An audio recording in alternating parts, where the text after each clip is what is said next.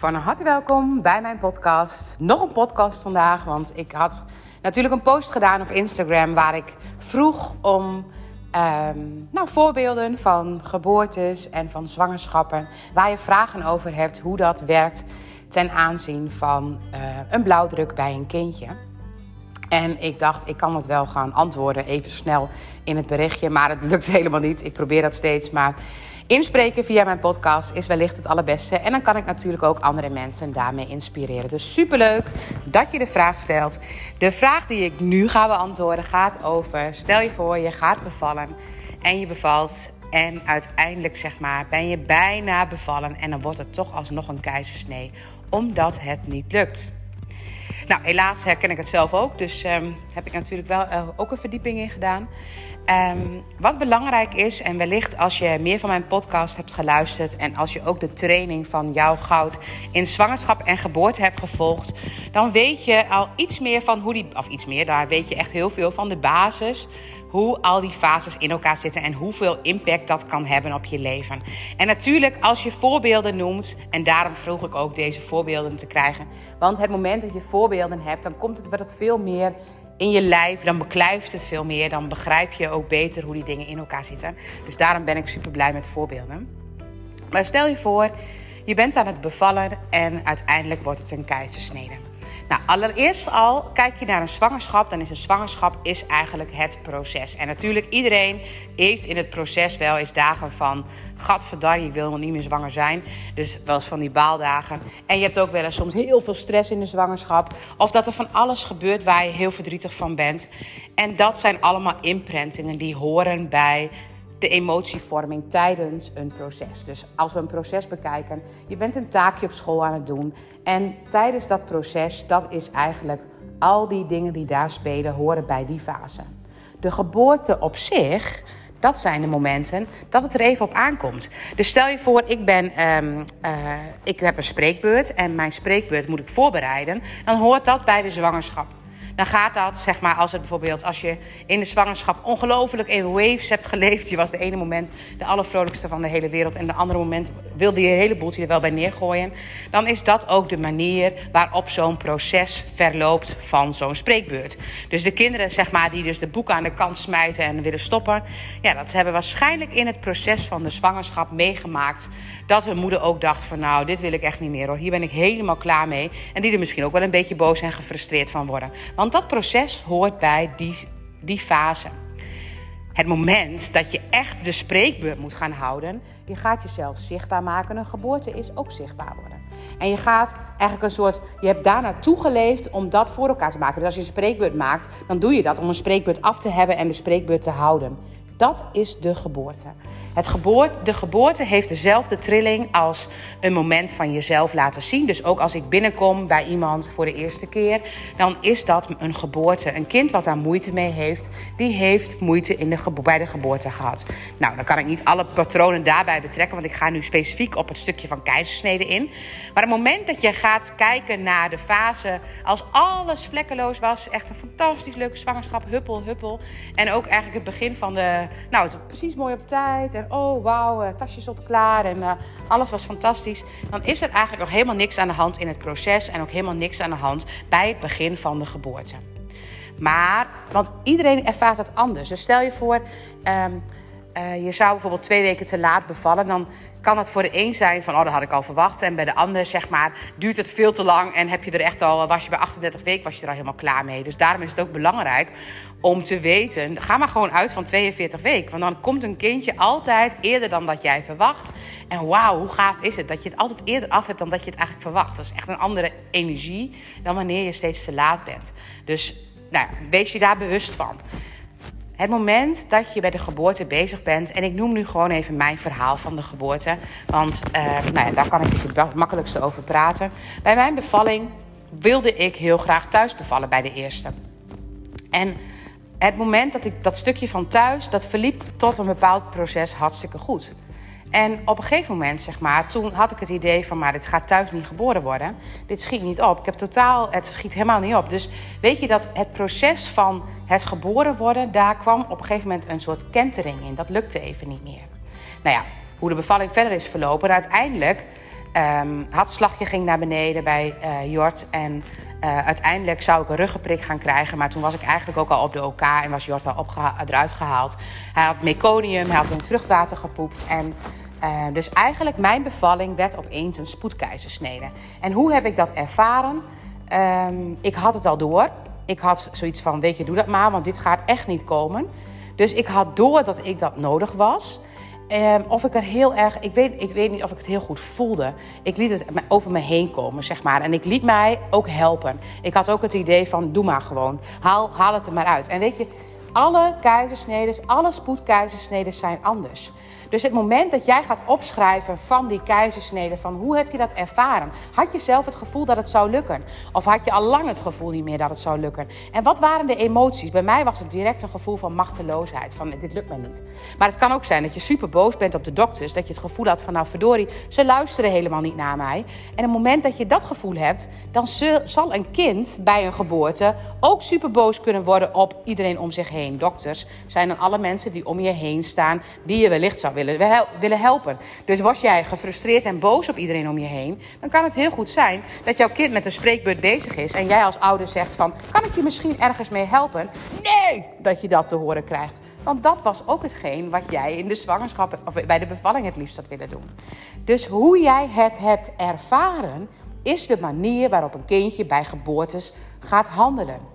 En Oh nee, ik ga, even een voorbeeld. Ik ga straks nog eventjes, ik ga straks even een soort climax maken in mijn podcast. Niet dat ik daar goed in ben, maar ik vertel het wel even op die manier. Maar op het moment dat jij bijvoorbeeld, um, je, de keizersnee is jou volledig overkomen en je bent helemaal wie, dan heb je op dat moment, zeg maar, ben je wie? Dan is je kind weet het niet meer. Dan zegt hij halverwege het maken van de spreekbeurt, of de presentatie, je moet het doen. En is helemaal alles kwijt. Het lukt gewoon even helemaal niet meer. Nou, ik, dat andere voorbeeld had ik even gegeven over het maken van de presentatie. Maar het gaat, het gaat bij de geboorte echt over het eindpunt. Dus over echt het spreekpunt geven. Dus het, als jij boos was, dan kan het kind ook boos zijn dat hij dat moet gaan doen. Dan kan hij daar ook tegen vechten. En ik wil dat niet, want dat is de emotie die jij hebt gekend bij de bevalling. Dus die kan ook boos worden op de waarom moet ik dit doen? Dat is dan meer het gevoel. En het moment dat je bijvoorbeeld het overkomt je allemaal, dan gaat zo'n kind daar staan en het overkomt hem of haar allemaal.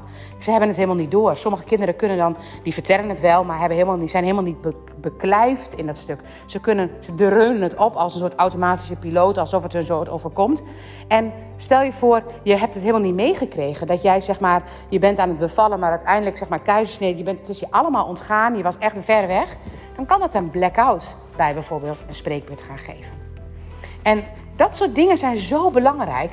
Maar wat dan even de climax wordt? Want het moment dat je voor jezelf weet wat jij nodig was, wat ik nodig ben geweest tijdens de hele, hele, hele bevalling, was iemand die mij vertelde wat er ging gebeuren.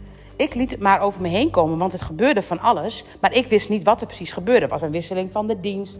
Er was van alles wat mij overkwam. En dat vond ik super naar en daar voelde ik mij heel machteloos in. En dat wilde ik echt eigenlijk niet. Maar dat liet ik ook al niet meer echt toe. En wat ik dus altijd bij mijn kinderen moet doen, want dat was mijn behoefte. Mijn behoefte was, ik wil gezien worden. Ik wil gezien worden en ik wil horen wat er moet gebeuren. Dus waar moet je zo'n kind dan in helpen als hij dan een spreekbeurt gaat houden? Die moet je zien en die moet je horen. En als ik dus met mijn kinderen een spreekbeurt ga voorbereiden. En ze hebben alle drie een keizersnede gehad. Dus alle drie zouden ze er niet zo goed in moeten zijn. Dan bespreek ik van doe ik precies wat de behoeftes waren. En ik benoem ook altijd, jullie hebben een beetje pech. Want het is een keizersnede geweest. Maar je moet hulp ervaren. Want keizersnedes, dat zijn natuurlijk de kinderen die eigenlijk hulp hebben gekregen bij de bevalling. En het is maar hoe je kijkt. Maar het is wel wat er echt aan de hand was. Ze hebben hulp gekregen. Dus ze zijn, aan de, ze zijn uiteindelijk zeg maar geholpen om niet door het kanaal te moeten gaan. Dat het liever door het kanaal moest, dat is natuurlijk echt helemaal waar. En dat er ook helemaal vaak een thema zit, want het wordt natuurlijk niet zomaar een keizersnede. Maar het moment dat je ziet dat de keizersnede zelf eigenlijk het hulpgeven is, dan mag je het kind hulp gaan bieden. Dus een kind dat met een keizersnede is gehaald en die moet voor de klas een presentatie geven, die mag je even aan de hand meenemen. Nou doen de meeste juffen doen dat eigenlijk al standaard bij, bij de kinderen. Ze zien van, oh deze heeft even hulp nodig, dus dat helpen ze even. Eigenlijk helpen ze dan een kindje die bijvoorbeeld een keizersnede had, even een stukje extra op weg om er te gaan staan en om het te gaan doen. En alle behoeftes die er waren bij als moeder bij die situatie, dat zijn de behoeftes die het kind ook heeft. En als jij het kind die behoeftes geeft, dan zul je zien dat het kind daarop floreert, dat het goed gaat. En ik vertel mijn kinderen dus wat ik heb gevoeld in die situatie. En dat is ook wat ze dan helpt en wat ze dan ook Um, ze hebben er geen moeite mee. Dus het is niet zo van, goh, mijn kind is geboren na een keizersnede. En het was echt een uh, verschrikkelijke rotte weg. Nou, ja, dat is al, uh, nou, die spreekbeurten kan ik wel op mijn buik schrijven. Dat gaat niet worden. Nee, helemaal niet. Want het moment dat jij kunt vertellen wat er nodig is. En je kunt het kind het uitleggen. Meestal zijn ze dan wel wat ouder. Dan kun je ze daarmee helpen. En dan doen ze het soms ook zomaar. Dan gaan ze ook als vanzelf... Put all the issues in the tissues. Oftewel, laat dat wat er is, er zijn en maak het niet groter dan dat. Maar is, het is wel interessant om te zien dat een kind, en wij zelf ook, al die momenten zoals een zwangerschap en een geboorte met eenzelfde trilling doen, op eenzelfde manier doen. Oftewel, wij doen steeds allemaal dingen zonder dat we het zelf doorhebben op precies dezelfde wijze. En wanneer je dus kunt zien dat de uh, zwangerschap of de bevalling die uiteindelijk uitliep op een keizersnede. Alle thema's die daar speelden bij jou als moeder, dat heeft het kind gevoeld. Alle behoeftes die jij had als moeder, dat heeft het kind ook als behoefte. En op het moment dat je bij een keizersnede het kind dus even aan de hand meeneemt, wat er ook gebeurd is bij een keizersnede, dan kun je daarmee heel veel ja, helpen aan de situatie. Wees ook altijd bewust dat bij een keizersnede, als het geen natuurlijke keizersnede is geweest, en veel ook bij een spoedkeizersnede, dan zit er vaak een heel verhaal al vooraan. Hoe is die?